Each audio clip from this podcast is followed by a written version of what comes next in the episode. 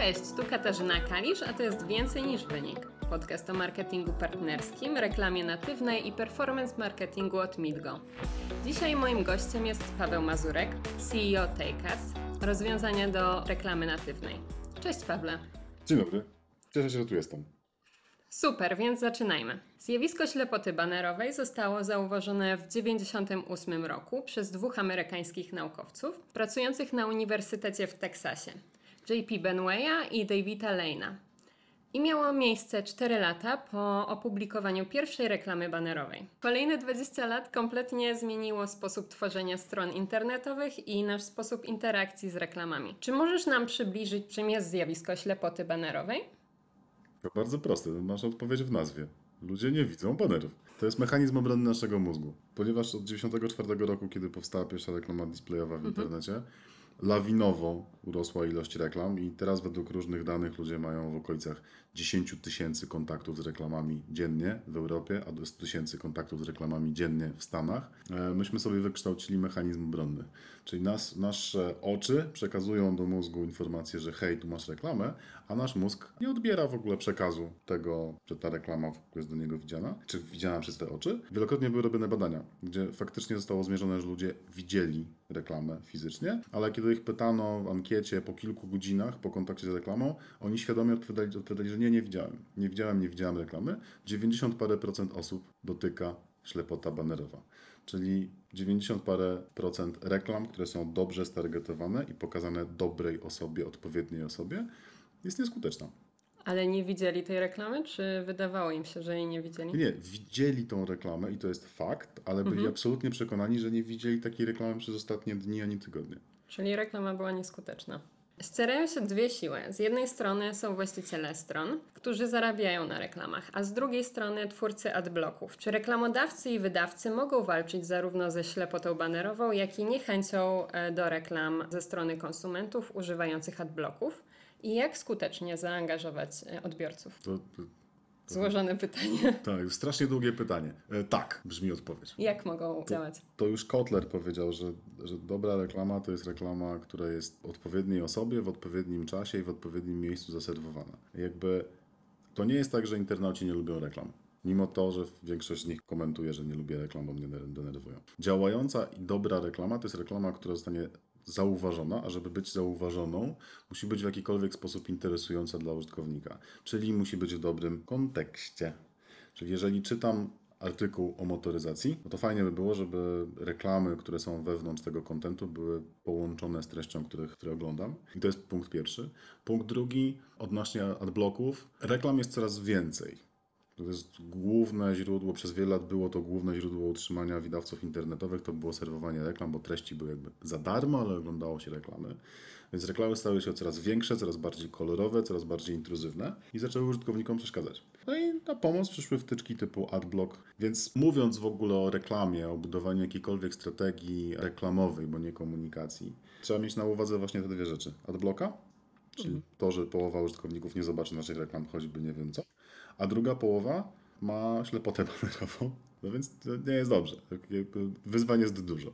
Jak widać, potrzebne są na rynku rozwiązania, które będą wspierały reklamy online w dotarciu do klienta, mimo znużenia i zniecierpliwienia treściami reklamowymi. Według raportów IAB Polska na reklamę natywną firmy wydały o 27% więcej niż w roku poprzednim. Czy w takim razie możesz nam wytłumaczyć, na czym polega reklama natywna i czym się różni od tradycyjnej?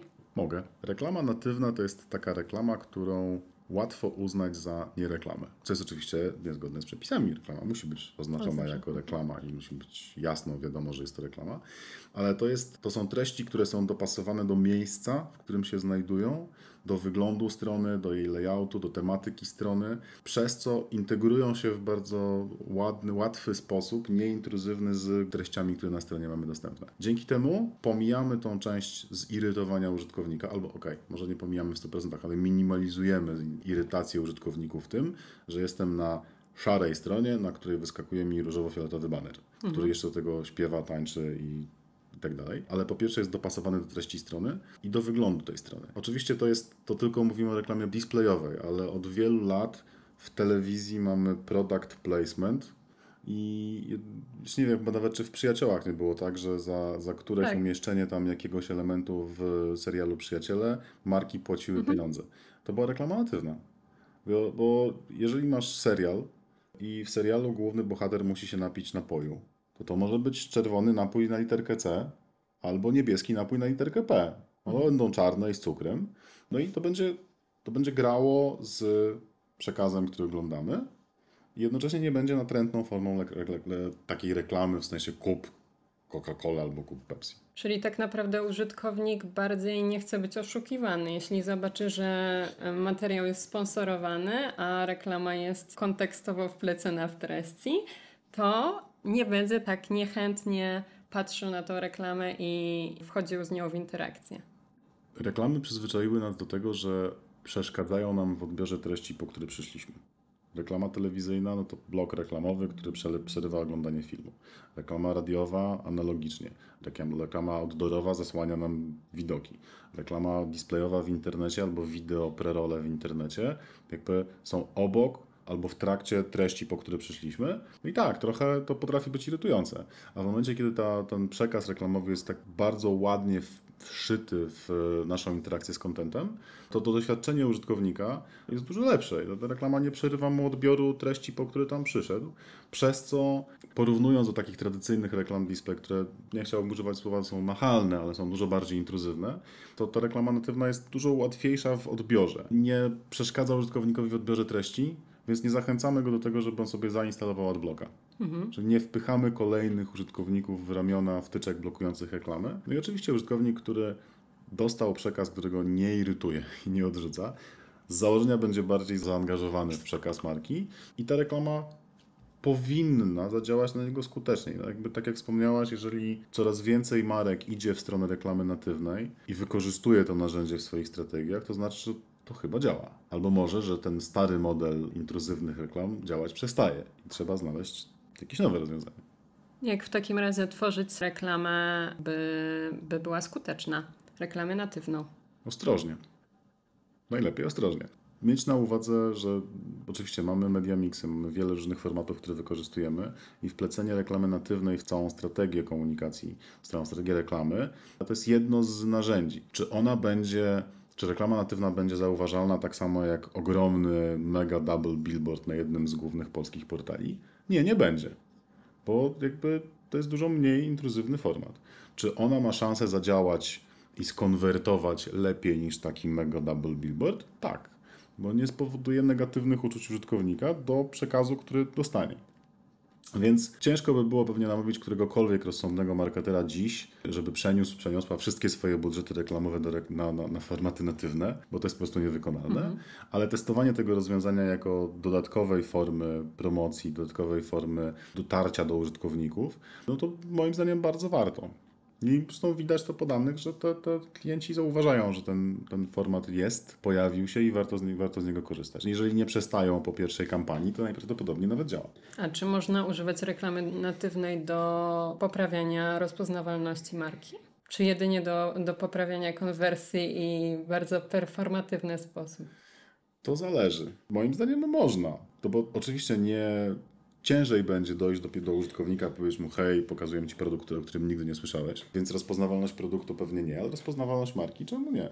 Jakby to jest kwestia przekazu i dobrego targetowania na miejsce, w którym użytkownik się znajduje. Wracając do przykładu motoryzacyjnego, jeżeli jestem na stronie motoryzacyjnej, czytam artykuł, oglądam wideo na temat motoryzacji jest nowa chińska marka samochodów elektrycznych, która wchodzi do Polski, jak najbardziej. To jest odpowiednie miejsce na to, żeby podnieść moją, czy właściwie ze zera do jakiegoś procenta, podnieść rozpoznawalność marki, czy świadomość marki. Ale jeżeli w tym miejscu źle stargetujemy, czyli nie kontekstowo, ale w jakikolwiek inny sposób, po zainteresowaniach użytkownika i w takich treściach motoryzacyjnych będziemy pokazywać markę elektroniczną, no to ten efekt będzie niższy. Więc to jest też kwestia dostosowania formy reklamy, czyli formy natywnej, ale też bardzo dokładnego targetowania po kontekście, w którym ta reklama się ma znajdować. Bo to, że ona będzie wyglądać jak element strony, co jest takim skróconym opisem reklamy natywnej, to jedno.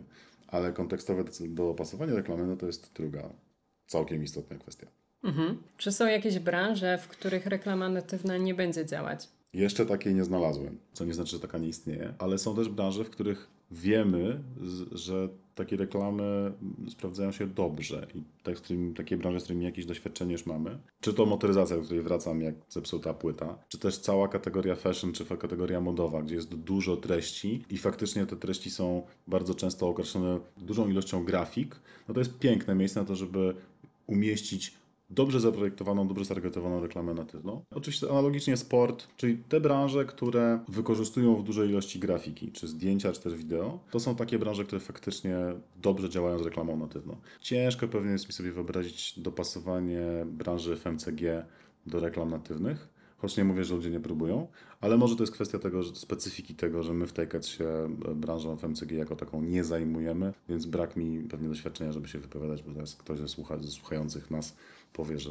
głupoty gada, bo, bo nieprawda, bo działa w FMCG. Także, y, drodzy słuchacze, moim zdaniem nie działa, ale to wynika z braku doświadczenia. Czy reklamy natywne można kierować do osób ze specyficznych segmentów demograficznych, e, jak wiek, lokalizacja, płeć? Czy może można segmentować behawioralnie po zainteresowaniach, czy po ostatnio otwartych stronach? Tak, my się specjalizujemy w targetowaniu kontekstowym, czyli nie do końca interesuje nas demografia, bardzo dokładna geolokalizacja użytkownika, czy też historia otwartych stron internetowych. To też jest związane ze zmianami, które wprowadza i Google i Apple w przyszłym roku, jeżeli chodzi o zabezpieczenie praw użytkowników. Więc to trzeba bardzo mocno rozróżnić. Jeżeli mówimy o reklamie natywnej, Reklama natywna jest tylko sposobem dostarczenia, że ty- tylko jest sposobem dostarczenia przekazu reklamowego do użytkownika odnośnie wyglądu, treści przekazu. Targetowanie jest zupełnie czym innym. Są firmy, które wykorzystują wszystko, o czym wspomniałaś: geolokalizację, historię odwiedzonych stron internetowych, historię zakupów, dane demograficzne, płeć, wiek, rozmiar buta do targetowania reklam. Dziś robią to po cookiesach, w przyszłym roku będą to robiły po user agentach albo jakiejś innej nowej technologii. My tego nie robimy. Można w obie strony. Można targetować bardzo dokładnie, można targetować głównie po kontencie, po kontekście, w którym użytkownik się znajduje. I w mojej ocenie dla efektywności reklamy natywnej jedno i drugie podejście są dobre, ale my się skupiamy na dobrym targetowaniu kontekstowym, głównie przygotowując się na, na przyszły rok. Teraz jeszcze Apple zapowiedział, że będzie jeszcze dalej, jeżeli chodzi o walkę, znaczy walkę, ograniczenie śledzenia po kliku, więc nie tylko cookie, ale i kliki będą e, ograniczane, więc my się już troszeczkę na to przygotowaliśmy w ubiegłym roku, że kontekst, jaka strona, w, jakim, w jakich okolicznościach przyrody użytkownik się znajduje, interesuje nas troszkę bardziej niż to, kim on tak naprawdę jest. Okej, czy w takim razie możliwe jest zintegrowanie kampanii natywnych z innymi kampaniami marketingowymi, takimi jak banery, działania w social media, czy strategia kontentowa na blogu? Oczywiście, że tak. To jest możliwe i potrzebne, żeby reklamy natywne były jednym z sposobów kanałów komunikacji wykorzystywanych. To wcześniej mówiliśmy o reklamie w telewizji i w internecie, a teraz mamy 15 różnych rodzajów reklam w internecie. Jest spore grono ludzi, które nazywa współpracę z influencerami reklamą natywną. Bo mamy swojego ulubionego influencera czy tam influencerkę i oni w trakcie swoich live'ów, podcastów, streamów, czegokolwiek polecają jakiś produkt. No potem kończy się to tak, że przychodzi Urząd Ochrony Konsumenta i Konkurencji i mówi halo, halo, I halo. zabawę. Momencik, momencik, to, to była reklama natywna w tym podcaście i ja bardzo byśmy prosili, żeby ona jednak była oznaczona. Oczywiście to, to jest żart i spłycenie, ale jak najbardziej reklamą natywną można i trzeba wplatać w strategię komunikacji, tylko w sposób mądry, jakby taki, który będzie współdziałał i wzmacniał ten przekaz, który mamy w powiedzmy tradycyjnych kanałach komunikacji internetowej typu display, czy video, czy social media. A masz jakieś rady, jak robić to skutecznie? Albo mądrze? Nie będę sprzedawał w podcaście wszystkich naszych tips and tricks, No dobrze. bo, budżetów reklamowych nie będziemy dostawać. No tak. Nie, no oczywiście jest, jest, jest wiele, wiele truizmów, można powiedzieć. Tak. Oczywiście współdziałanie z innymi kanałami reklamowymi, wykorzystywanie jak największej ilości danych, które mamy. Jeżeli opieramy się o cookiesy, to super. Jeżeli opiera, opieramy się tylko o kontekst, to, to o kontekst. Optymalizowanie kampanii pod kątem jej celu. Tak? No, ciężko jest nieintruzywną reklamę natywną rozliczać w formie zbudowania jak największego zasięgu do, do użytkowników. To nie jest cel reklam natywnych. One nie mają dawać wielkich zasięgów, tylko mają nie wkurzać użytkownika. Więc tak naprawdę no, ciężko jest powiedzieć, tak, to jest złoty środek, to róbcie to i wszystko będzie super. To, to tak nie działa, ale wszystkie prawidła, które trzeba stosować do reklamy displayowej, czy w Google Display Networku, już nie Google, ale czy w DSP, czy w social mediach, czy na dowolnych platformach reklamowych, tak samo trzeba stos- zastosować do reklamy natywnej. A jakie są formaty reklam natywnych dostępne w tej Ads? Format reklamy natywnej. Mamy jeden format. My się opieramy o słowa kluczowe i działamy na słowach kluczowych głównie, czyli nie wykorzystujemy w ogóle form graficznych, nie wykorzystujemy form wideo, form intruzywnych. Skupiamy się na treściach pisanych, na tekście,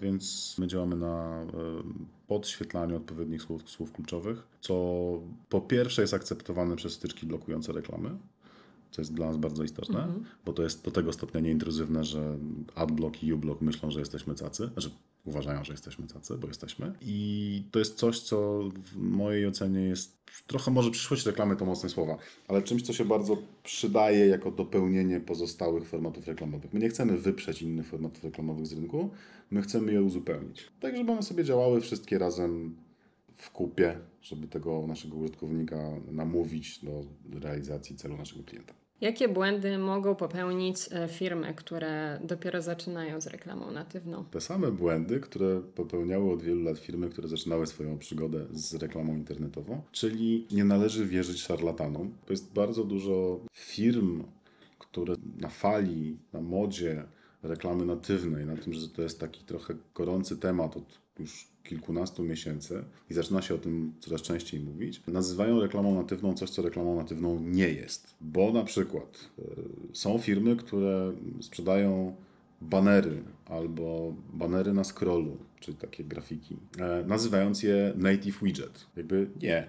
Banner to nie jest reklama natywna, to jest reklama displayowa. I ciężko jest mi sobie wyobrazić sytuację, w której banner byłby tak uniwersalny, czy on będzie w HTML5, czy w jakiejkolwiek innej technologii, żeby on, żeby ten, te banery dostosowywały się do wyglądu i, i były nieintruzywne i dostosowywały się do wyglądu strony internetowej, na której się znajdują.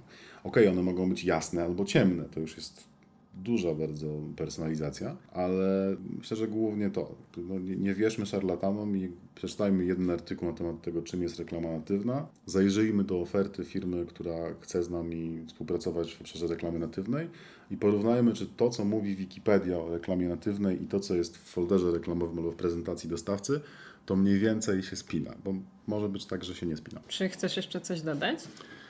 Eee, nie wiem. No to w takim razie to już wszystko w tym odcinku podcastu, więcej niż wynik. Dziękuję, Pawle. Dziękuję bardzo. Śledźcie nas na popularnych platformach podcastowych, aby dowiedzieć się więcej o skutecznych i weryfikowalnych działaniach marketingowych. Do usłyszenia niedługo. Polecam.